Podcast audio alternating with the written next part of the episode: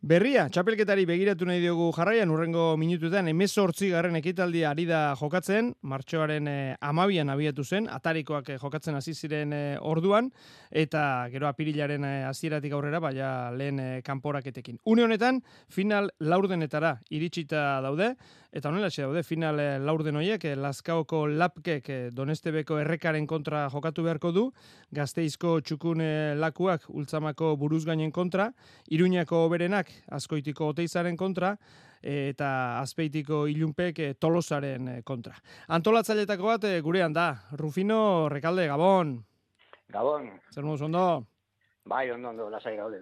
Eta zer moduz doa txapelketa, Rufino? Bueno, ba, betiko modun, e, nahiko, nahiko ondo, kontentu gaude. Aurten e, sekula baino parte hartzea handiagoa izan dugu.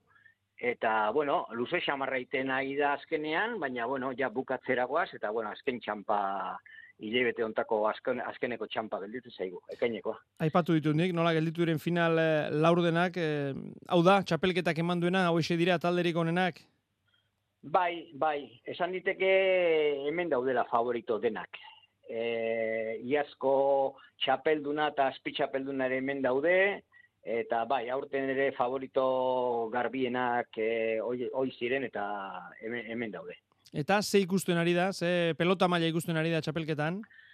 Bueno, txapelketa berezi xamarra da, da herri arteko antzekoa da, Mhm. eta ba orduan ba normalean e, hola e, e, partida lehiatuak e, ikustea ikusten dira, baina diferentzia handikoak ere bai.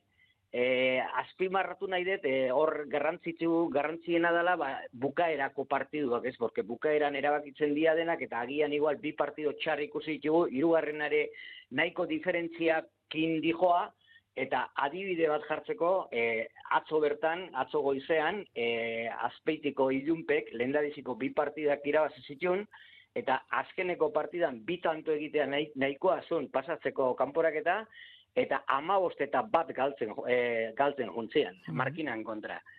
Eta oso nervioso eta oso gaizki pasatzen, eta diferentzia handiko partidua zen, baina beti zeon emozioi eta presioi beti, beti oten da kanporaketa hoitan.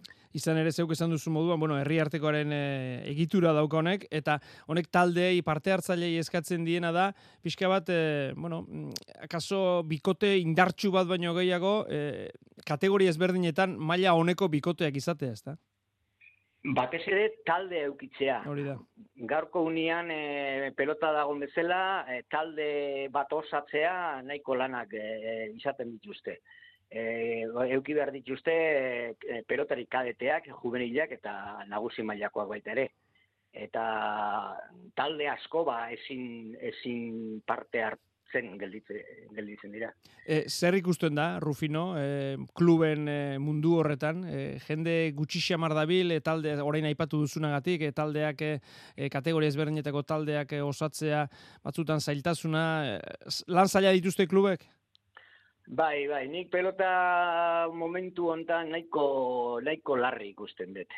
Afizionatu mailan, e, badaude talde indartzuak, hemen, da, hemen dauden lau bost adierazgarrienak, baina badaude batez ere talde gehienak oso jende gutxikin lanean eta pelotari gutxikin baita ere. Eta pelota eskolatan ere, ba, geota, geota ume gutxigo apuntatzen dira. Bueno, hemendik aurrera gelditzen dena, final eh, laurdenetako bi kanporak eta ekainaren lauan, beste biak ekainaren eh, amaikan, gero, urrengo asteburuan ekainaren emezortzian bi finalerdiak, eta final eh, handia eh, ekainaren hogeita bostean eh, Hernanin. Zeuk esan duzu azken txampa, baina, bueno, azken txampa polita gelditzen da, ezta? Bai, bai, oso interes, oso kanporak eta oso politiek gelditu dira. E, hor, e, izan dizut, e, lapke lazkaoko lengo urteko txapelduna urten ere oso favorito da. Oberena iruñakoak ere talde oso daka urten. E, tolosak ere indartzua daka taldea, eta nik uste iruro inartean aterako dala txapelduna, eta baina kanporak eta denak nahiko lehiatuak izango dira. Datorren igande atzaldean ea adibidez badago kanporaketa bat txukunlakoa gazteiz bururgain gultzaman kontrarik oso oso oso oso berdindu ikustetena. Bueno, ea ba, partida ederrak ateratzen diren, pelotariek eh, maila ematen duten eta pelotazaleak eh, gozatzen duen.